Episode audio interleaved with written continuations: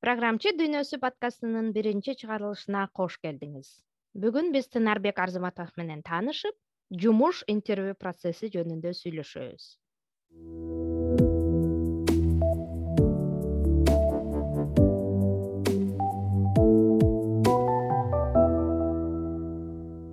Саламатсыздарбы угармандар э, кайрадан эле сиздер менен э, программчы дүйнөсү э, подкастын угуп жатасыздар. Бүгүн сиздер менен мен жанат канатбеков прагадан жана эркин касымов лондондон жана коногубуз тынарбек арзыматов саламатсызбы тынарбек арзыматов саламатчылык.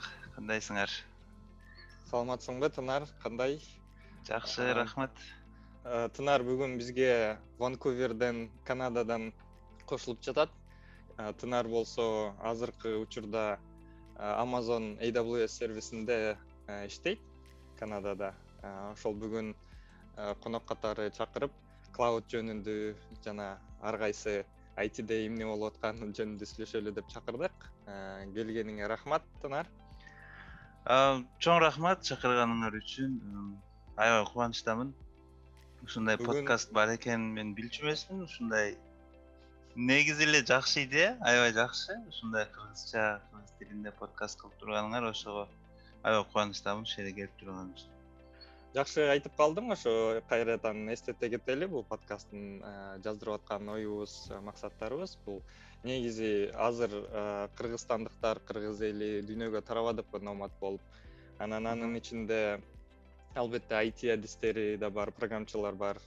Анан мыкты мыкты адистер дүйнө боюнча азыр көп болду.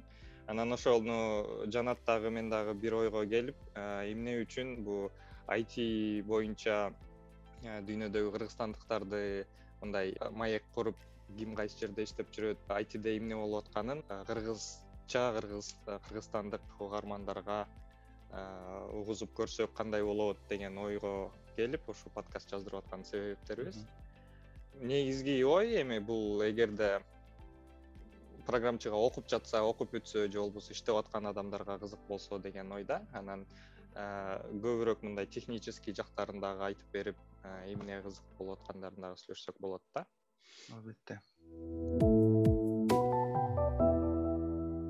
Демек э, баштасак тынарбек өзүңдү тааныштыра кетсең кайдан болосуң? Кай жакта окудуң эле жана амазонго кантип келип калдың? Макул өзүм тааныштыра кетейин. Мен өзүм атым тынарбек арзыматов мен э, оштон болом э, ошто кара кулжа айылынан болом. Ошол айылдан окуп жүрүп жетинчи класска келгенде ошко ош шаарындагы кыргыз түрк лицейине кеткем сема лицейи. Ал жерди бүтүргөндөн соң э, университетти окуу үчүн компьютерный инженерияга тапшыргам. Турцияда бүтүргөм университетти стамбулда бир эки жыл иштеп. Кайра бишкекке келип иштегем төрт беш эки үч жылдай банкта иштедим. Андан кийин бир э, мамлекеттик салык кызматына байланыштуу бир проектте иштедик. Эркин менен чогуу. Ал жерде беш жылдай жүрдүк. Беш жылдай жүрдүм окшойт. Андан соң польшага келип иштедим. Кредит суис деген компанияда бир жыл иштедим. Андан соң оракл деген компанияга которулдум варшавада. Ал жерде эки жыл иштегенден кийин эле ушул амазонго келип калдык ушу канадага ванкуверге кыскача ушундай. абдан кызык жол э, өтүп турсуң баардык жерде ыныгы номад. болуп. Турцияда канча жыл иштеп калдың? Кыргызстанга турцияда ооба турцияда кыргызстанга келгичекти бир жарым жылдай иштедим окшойт. Бир жарым жыл. Эң алгачкы жумушум ушу стамбулда болгон программист катары жумушка орношуп бир жарым жылдай иштегем. А негизи программчыны программистти кандай тандап э, ошо айтиге кантип кирип калдың? Айтиге негизи кызыгуум ошо кичинекей жаш кезимден эле башталган. Сегизинчи класста.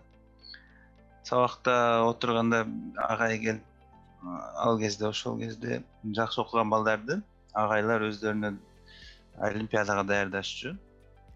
Ошол биздин класска келип компьютерден информатикага келип ким олимпиадага катышкысы келет деп сурап калганда ошондо эки үч бала кол көтөрүп анан ошол бизди информатикага даярдай баштаган ошондон баштап эле кызыгуу башталган да экөөбүздүн жолубуз окшошураак экен ошо мен дагы тогузунчу класста мурун негизи алгебра геометрия физикага катышып жүргөм олимпиадагачы анан ошо тогузунчу класстан баштап ким информатикага катышат дегенде эле кол көтөрүп катышып калдык. Ошол жолго түшүп калганыбыз.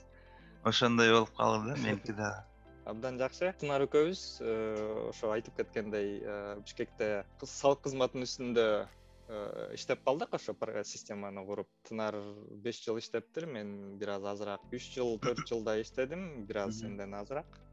Анан мен кийин лондонго көчүп кеттим угармандарга кызыктуу болсо керек ошо бишкекте жүрүп кантип европага келдиң негизи? Алгачкы кадамдар кандай болду? Алгачкы кадам э, мындай болду. Мен өзүм деле күтпөй күткөн эмесмин. Ушундай польшага кетип калаарым э, иштеп жүргөн кезде эле линкедин деген сайт бар. Ошол линкедин аркылуу компаниялар чыгып калышты. Ошо польшадан эки компания чыкты. Ошо экөөнүн бирөөсүн тандап алдым да. э, ал эми азыр европада аябай айти өнүгүп адамдарды аябай ар жактан тартып алышат да. Э, мисалы үчүн мен билгенден азыр польшада э, он он бештей программист бар да. И бул жыл сайын ошончодон көбөйүп турат. он он бештен жаңы программисттер келип турат. Кыргызстандан кыргызстандыктарды эсептегенде анан жалпы снгни эсептесем ал жерде аябай көп. беш жүз миң может быть андан деле көп болушу мүмкүн. Кыргызстандыктардын санын айтканым да ошол он он бештей ошол линкединдеги профайл аябай маанилүү. Линкединдеги профайлды кантип түзүү керек? Ошол резюмени ошол жерге кантип жазуу керек? Ошол аябай маанилүү эртке эгерде э, европага же америкага же ушул башка жактарга кетем деген программисттер болсо ушул линкединди аябай сунуштайм. Ошол жактан эле өздөрү компаниялар таап өздөрү чыгып калат мен учурумда ошондой мен мен үчүн ошондой болду. Компаниялар өздөрү жазып бизге келесиңби деп чыгып калышты. Анан албетте интервью болот собеседование болот. Биринчи этап экинчи этап үчүнчү этап деп андан соң виза ошо семья үй бүлөңү баарын көчүрүп кетебиз деп шарттарын сүйлөшүшөт андан соң анан ошентип келип калдык польшага абдан жакшы. Менин опытым боюнча линкдинде э, көбүнчө агенттер отурат да мындай хедхантерлерчи э, менин опытым боюнча сага кандай э, болду? Компаниялар өзү чыгыштыбы же ошондой агенттер чыгыштыбы мага компания чыкты. Бирок ошо сен айткан сыяктуу кандай десем агент эмес булар негизи толук кандуу эле компания өздөрү чоң аябай компания бир миңдей Э, адам иштейт компанияда бирок мен келгенде э, ошол сен кредит суистеги проектте иштейсиң дешти да.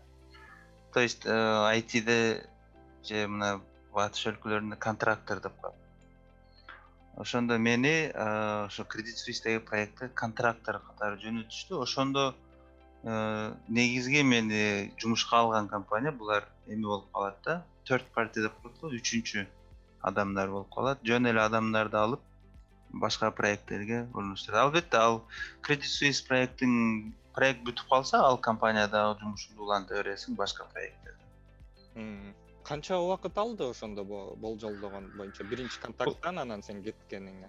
Болжол менен мисалы үчүн э, майда интервью болгон болсо биринчи интервью. Э, же мындай дейин э, интервьюнун негизи өзү аябай көп убакыт алган жок. Эки жумада эле бүттү. Биринчиси телефон аркылуу интервью hr менен. hr сурайт келгиң келеби эмнеге келгиң келет андай ушундай суроолорду берет. Көп деле технический эмес. Андан кийин технический интервью болот ушундай биз азыр кандай сүйлөшүп атсак ошондой эле алыстан технический интервью болот код жаздыртышат домашний задание бериши мүмкүн. Андан кийин дагы бир жолу технический интервью болот. Ал жерде уже э, проект проект менен иштеген командаң менен интервью болду. Меникинде ошондо үч этап болду. Үч этаптан кийин э, жыйынтыгы келди ошо эки жуманын ичинде эле келди жыйынтык андан соң ал компания өздөрү виза жасап башташты. Ошол виза жасап баштаганы бир аз күттүрдү адамды үч үч ай күттүк. Чынын айтсам мен андай деле өтө көп кызыккан эмесмин. Анткени бишкекте өзүбүздүн дагы жумуштарыбыз бар болчу. Ошол жумуштар менен жүргөн кезде анан үч айдан кийин тигилер келип калышты ай визабыз даяр мына келесиң келе жана жири кеттик анан ошентип. Демек э, процесс интервью процесси өзү бат эле өтөт эки жумада визасы көп убакыт ошондой. ошондой өткөндө да жанат экөөбүз э, интервью жөнүндө бир аз э, сүйлөшүп кеттик элек мен азыр ошо делойтто лондондо иштеген жанат делойтко бериптир да. Анан интервью жөнүндө дагы аябай кызыктуу тема да анан негизи тынар жалпылап кетсең мисалычы ошо кыргызстанда туруп европага кеткениң анан мисалы oracle amazonго баарын мындай интервью процессин жалпыласаң баардыгы эле ушундай процесс болобу мындай биринчи hr анан технический деп же өзгөчөлүктөр болушу мүмкүнбү компанияларда? Компанияларда өзгөчөлүктөр болушу мүмкүн. Мисалы үчүн мен oraclега тапшырып аткан кезде дагы эле linkedin аркылуу белгилеп кетейин linkedindегилер жазып калышты. Ушундай жумушка келгиң келеби иштегиң келеби oraклда деп. Макул деп анан э, интервью oracle менен э, өзгөчө болду. Анткени ошол кезде дүйнө чемпионаты болуп аткан россияда футбол. Ошол чемпионатка баргым келген мен э, ар шаарында. Анан ал oraклда мен сурандым интервьюнун датасын. Э, мына мына күнгө кое аласыңыздарбы депчи. Технический интервью болду алар менен деле э, телефон аркылуу hr менен интервью болду. Технический мындай алыстан эле мен өзүмдүн шаарымда алар өзүнүн офисинде. Ушул zoom аркылуу же ушул сыяктуу скайп беле ал кезде? же скайп аркылуу. Мен эсимде жок азыр кандай болгону бирок ушундай болгон интервью. Андан соң эң акыркы этап он э, сайт деп коет. Же башкача айтканда сени өздөрүнүн офисине чакырышат. Ошол он сайт интервью датасын э, мен өзүм белгилей алдым. Мисалы үчүн сурандым. онунчу июнда келсем болобу анткени мен он биринчи июнда учуп кетем москвага. Өзүм башка шаарда турам варшавага келем. Онунда интервьюга катышып коюп эле он биринде мисалы учуп кетем э. жакшы пландаштырыптырсың э ушундай пландаштырып алып алар менен алар макул болгон соң ошол компанияга келип интервью он сайт интервьюсуна өтүп анан он бир учуп кеткем жыйынтыгын албетте мен москва э, россияда жүргөндө уктум бир жума эки жумада келди ал да жыйынтыгы. Бирок айырмачылык катары э, ушул oraклга өтүп атканда алар акыркы э, интервьюну өздөрүнүн компаниясында өздөрүнүн офисинде ошол проектте иштей турган адамдарыңдын Э, жанында интервью кылышат. Тим менен э, будущий тим менен э? Будущий команда э, сени интервью кылышат алар карап көрүшөт. Не только технический адамдык сапаттарыңды дагы карап көрүшөт. Ошол командага дал келеби келбейби ошол жактарын жакшылап айтып кетсең мисалы баардык эле интервьюда технический жагын карайт hard skills. Дагы кандайлар маанилүү маанилүү э, behavioral э, интервью деп коет. Же болбосо ушул командага дал келеби дал келбейби деген сыяктуу. Албетте алар жөн эле мындай сен командада иштей аласыңбы деп сурабайт. Өтө эле примитивный суроо болуп калат андан анан бирок мындай байкашат да. Мындай түзмө түз андай суроо бербейт эч ким. Сен мисалы үчүн команда менен иштеп көрдүңбү беле оңой эле иштеп кетесиңби или сен стрессоустойчивый адамсыңбы кандай кабыл аласың деп сурабайт эч ким.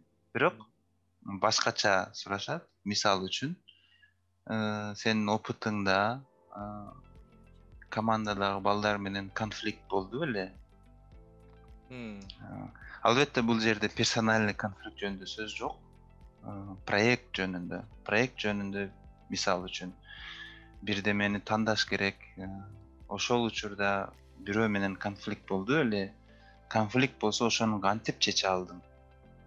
Деген суроо берет. Ошол суроого сен жооп берип аткан кезде бул эми мисал катары. Дайыма бул суроо суралат дебейм мисал катары берип атам. Мисалы үчүн ушул суроого жооп берип аткан кезде ошол интервью өткөзүп аткан адамдар командага канчалык дал келет ошону байкаштырышка аракет кылышат. Анткени мисалы үчүн кээ бирки адамдар бар аябай жакшы технически аябай күчтүү бирок командага келгенде бир аз кандай десем тил табыша албайт. тил табыша албайт же өзүнүкүн бербейт же мындай башка бирөөнүн ой идеяларын кабыл алгысы келбейт мындай көрүнүш э, бул чоң компанияларга албетте жакшы эмес. Себеби сен макул болосуңбу макул болбойсуңбу ал жерде башка нерселер болушу мүмкүн. Мисалы сага жаккан нерсе дал келбеши мүмкүн. Проект э, или проекттин башка дагы башка багыттары болушу мүмкүн. Э, алар пландаштырып аткан башка нерселери болушу мүмкүн. Албетте сен булардын баарын биле албайсың ошон үчүн э, кээ бирки учурларда ушундай конфликттер жаралган кезде өзгөчө отуруп алып кеңешип эмне үчүн ушундай болуш керек же эмне үчүн бул болбош керек сыяктуу суроолорду берип адамдарды тандаганга аракет кылышат да. Анан ошондо эки үч совет бере кете аласыңбы эми? Албетте даяр жооп буга даярдалбайт болушуң керек бирок эми негизги советтериңди айта негизги менин кеңештерим мисалы үчүн ушул сыяктуу behavioral суроолор аябай маанилүү өзгөчө мисалы мына амазонго келатканда муну аябай байкадым. Амазондун өзүнүн leadership principles деген принциптери бар. Он төрт leadership principles бар. Алар өзүнүн веб сайтында турат кирип окуса болот. Бул компаниянын принциптери да политикасы мисалы үчүн сотрудник или ошол жерде иштеген адам өзүн кандай алып жүрүшү керек? Кандай нерселерге көңүл буруш керек деген нерселер да? Булар технический эч нерсе жок ал жерде булар баары адамдык сапат жөнүндө. Анан компаниянын принциптери жөнүндө. Ушул жөнүндө менде интервьюда аябай көп суроо чыкты аябай көп суроо чыкты дегенде мисалы үчүн э, бир сааттык интервью болсо сөзсүз сөзсүз түрдө он он беш мүнөтү ушул leadership principleска кетти да. Эми муну behavioral суроолор деп койсок дагы болот. Behavioral жөнүндө кеңеш берет элем э, жумуш издеп аткан жаңы адистерге сөзсүз түрдө даярданып коюш керек. Э, даярданганда дагы албетте ал жерде суроо берген кезде эле мындай on the fly деп коет го сразу эле бир эмени ойлонуп кете албайсың жоопту сен суроолорго мүмкүн келе турган суроолорго сен даяр келишиң керек. Анткени э, ал жерде мисалы үчүн жөн эле мисал бере кетейин конфликтти кантип чыгардың дейт. Мисалы конфликтти кантип резолв кыла алдыңар деди дейли мисалы үчүн. Сен айттың ушундай бир проект болуп атты эле бир фреймворкту тандай албай конфликт болуп калдык десең анан андан суроонун уландысы келет да сөзсүз түрдө келет. Сен жөн эле мындай айтып койдуң а болду бүттү деп ойлой албайсың суроонун уландысы келет. А эмне проект? или эмне фреймворк болушу керек анан ошол жерде сен эмне эле эмнени айтсам экен? деп мындай болбойт да. Ошон үчүн менин сунушум интервьюга же ушундай собеседованиеге баратканда сөзсүз түрдө өзүңүздүн э, опытыңыздан э, бир кесиндилерди эстеп ошолор жөнүндө даярдык кылуу. Конфликт болду беле албетте болот. Любой адамдын э, компаниясында командасында любой проектте конфликт болот. Көз караш көз караштар туура дал келбей калат мындай жөнөкөй деле нерселер болушу мүмкүн. Мындан мындай жасасак жакшы болобу же мындай жасасак жакшы болобу? Бирөөгө мындай жагышы мүмкүн башкасына мындай жагышы мүмкүн. А ушуну кантип консенсуска келе алдыңар?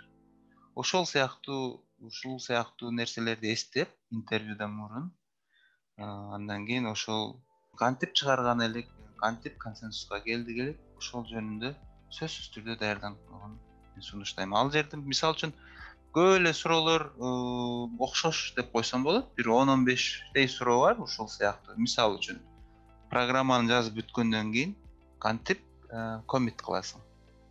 Мага ушул суроо келди мисалы үчүн.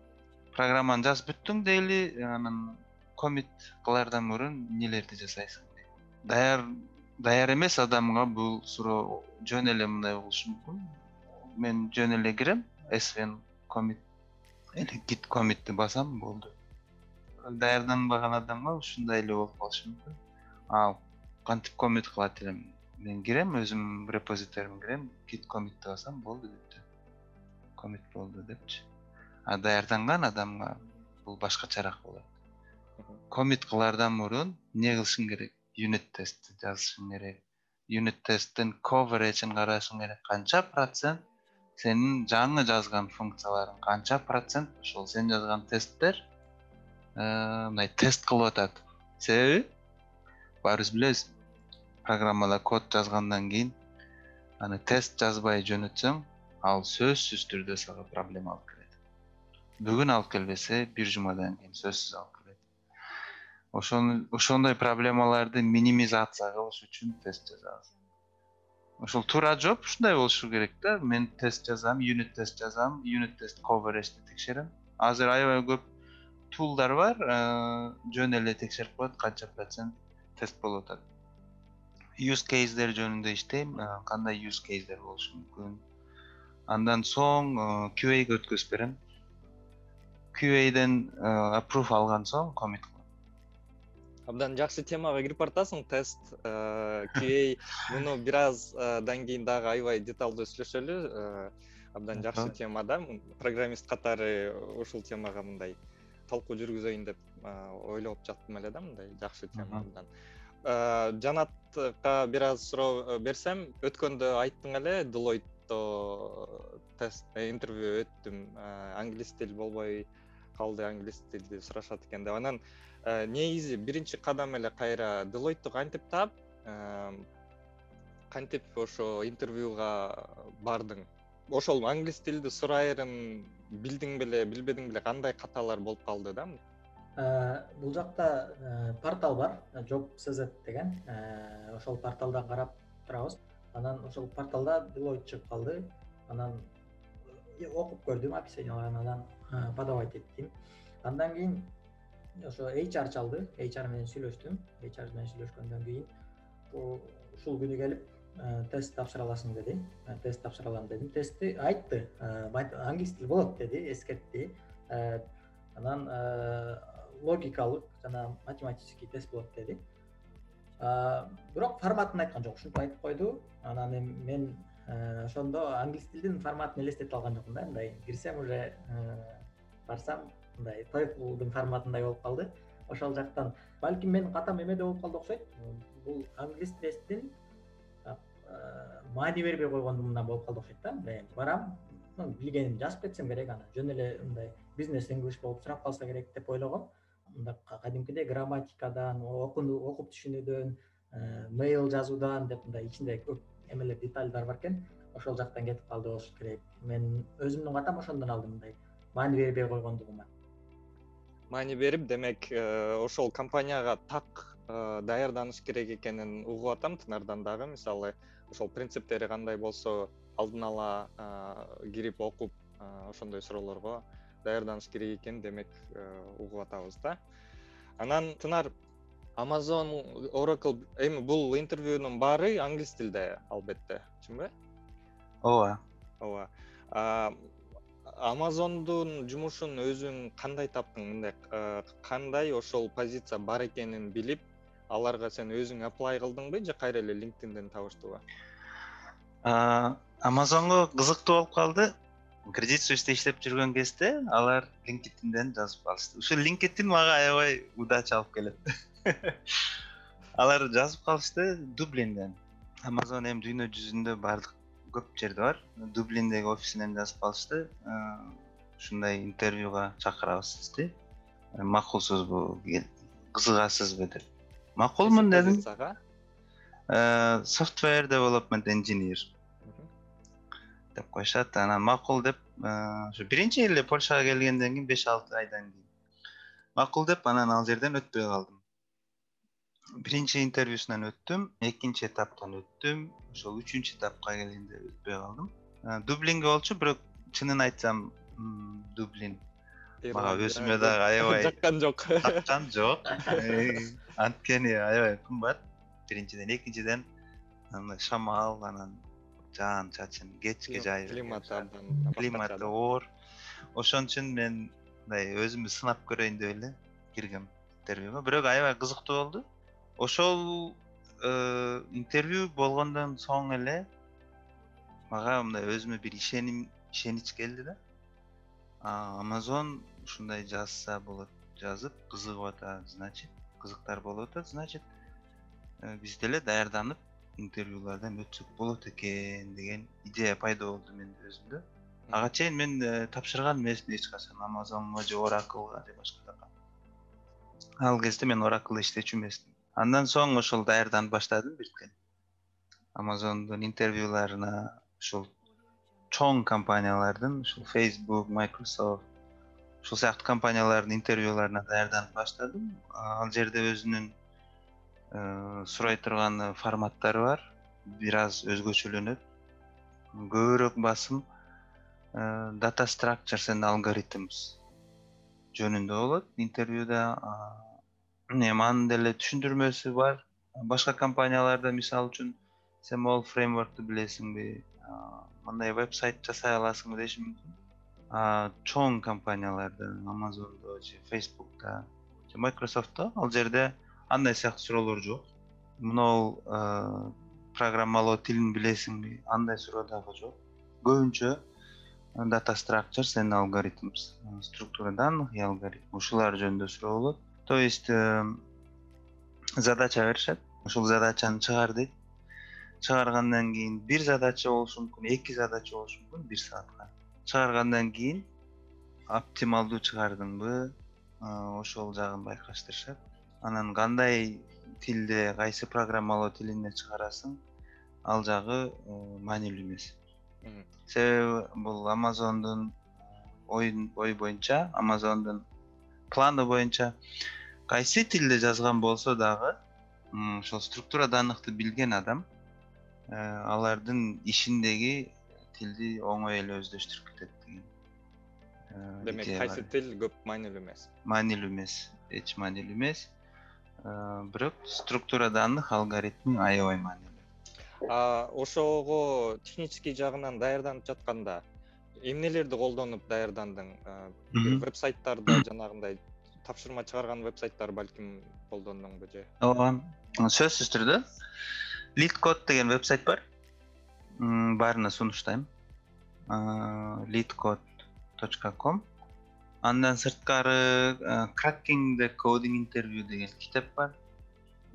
Гайли лакман деген жазуучусу бар аны сунуштайм кайсы тилде англис тилинде окудум мен орусчасы деле болушу мүмкүн эсимде жок. Андан сырткары elements of programming interviews деген дагы китеп бар. Убактыңар болсо аны дагы сунуштайм. Мага эң көп жакканы cracking the coding interview менен лид код вебсайты. Лид коддо он миң деген суроо бар. Ошолорду мындай татаалдыгына жараша өзүңүздүн даражаңызга жараша күндө үч төрттөн суроо чыгарсаңыздар аябай жакшы даярдык жакшы. Чоң рахмат айтып кеткениңе. Эми амазонго интервью өттүң тапшырма чыгардың кирдиң кандай болду? Амазон жөнүндө өзү жөнүндө айтып берсең.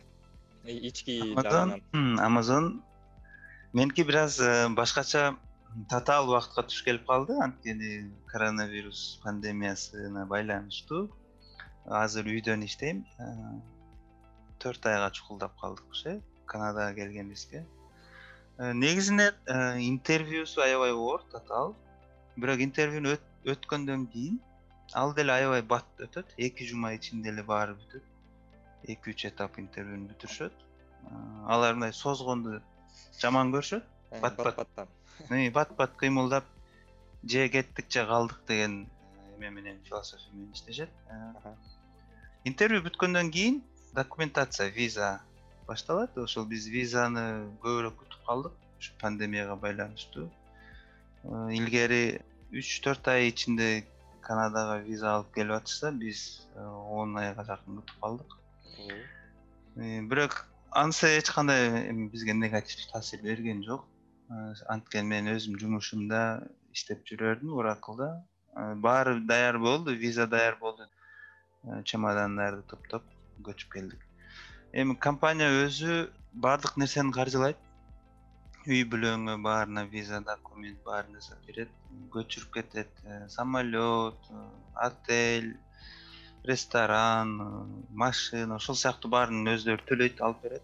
Анткени көп эле адам мындай макул болбошу мүмкүн башка өлкөгө көчөм дегенде. Аябай көп программалар бар. Мисалы үчүн үйүң үйүңүз болсо үйүңүздү сатып беребиз.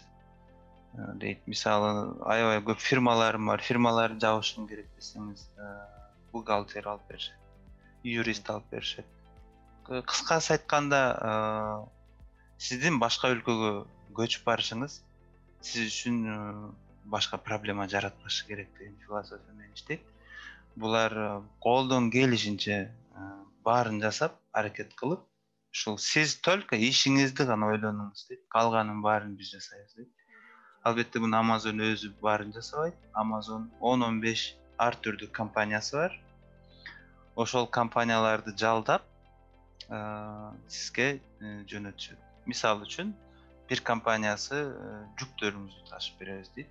Алар келет э, үйүңүзгө келип баардык эмне жүгүңүз болсо баарын бир контейнерге салып деңиз аркылуу алып өтүшөт. Машинаңыз болобу машинаңызды салат. Кровать болобу кроватты салат. Гүл болобу гүлдөн бери упаковка кылып жакшынакай кылып салып телевизор эмне бар болсо баарын салып алып кетишет. Башка өлкөгө барганыңызда ал жакта албетте самолетторду ресторан гостиница баары төлөнгөн бир айга үй беришет. Эми семьяңызга жараша мен үй бүлөңүзгө жараша менде эки кызым бар бизге чоңураак үй беришет машина беришет бир айга. Эми шарттары аябай укмуштуу да. Кааласаңыз ушундай кылып көчүп келесиз. Кааласаңыз жөн эле акча берет амазон акча беребиз э, өзүңүз көчүп келип алыңыз дейт өзүңүз көчүп келип алыңыз. жанакы эки жуманы өтсөң өтсөң эле сага макул болсо эле калганын баардыгы шарт түзүп берет экен да аябай жакшы шарт түзүп берет эч кандай кыйналбай жөн эле а үй машина берет дейсиң ага компания төлөп береби же бул бир айга келген келеби же дайым бир айга бир айга алар даярдап коет келишиңизге. Аэропорттон даже бирөө тосуп алып жеткизип коет. Бир айга даярдап коюшат бир айдан кийин албетте өзүңүз көчүп кетишиңиз андан ары өзүң таап ошо көчүшүң керек э бир айдын ичинде жакшы. Эми ал үй табыш деген жагына дагы булар агенттерди алышат сиз кол коюп отурасыз. Үйлөрдү карап. Контракттарды окуп коюп. Контракттарды окуп коюп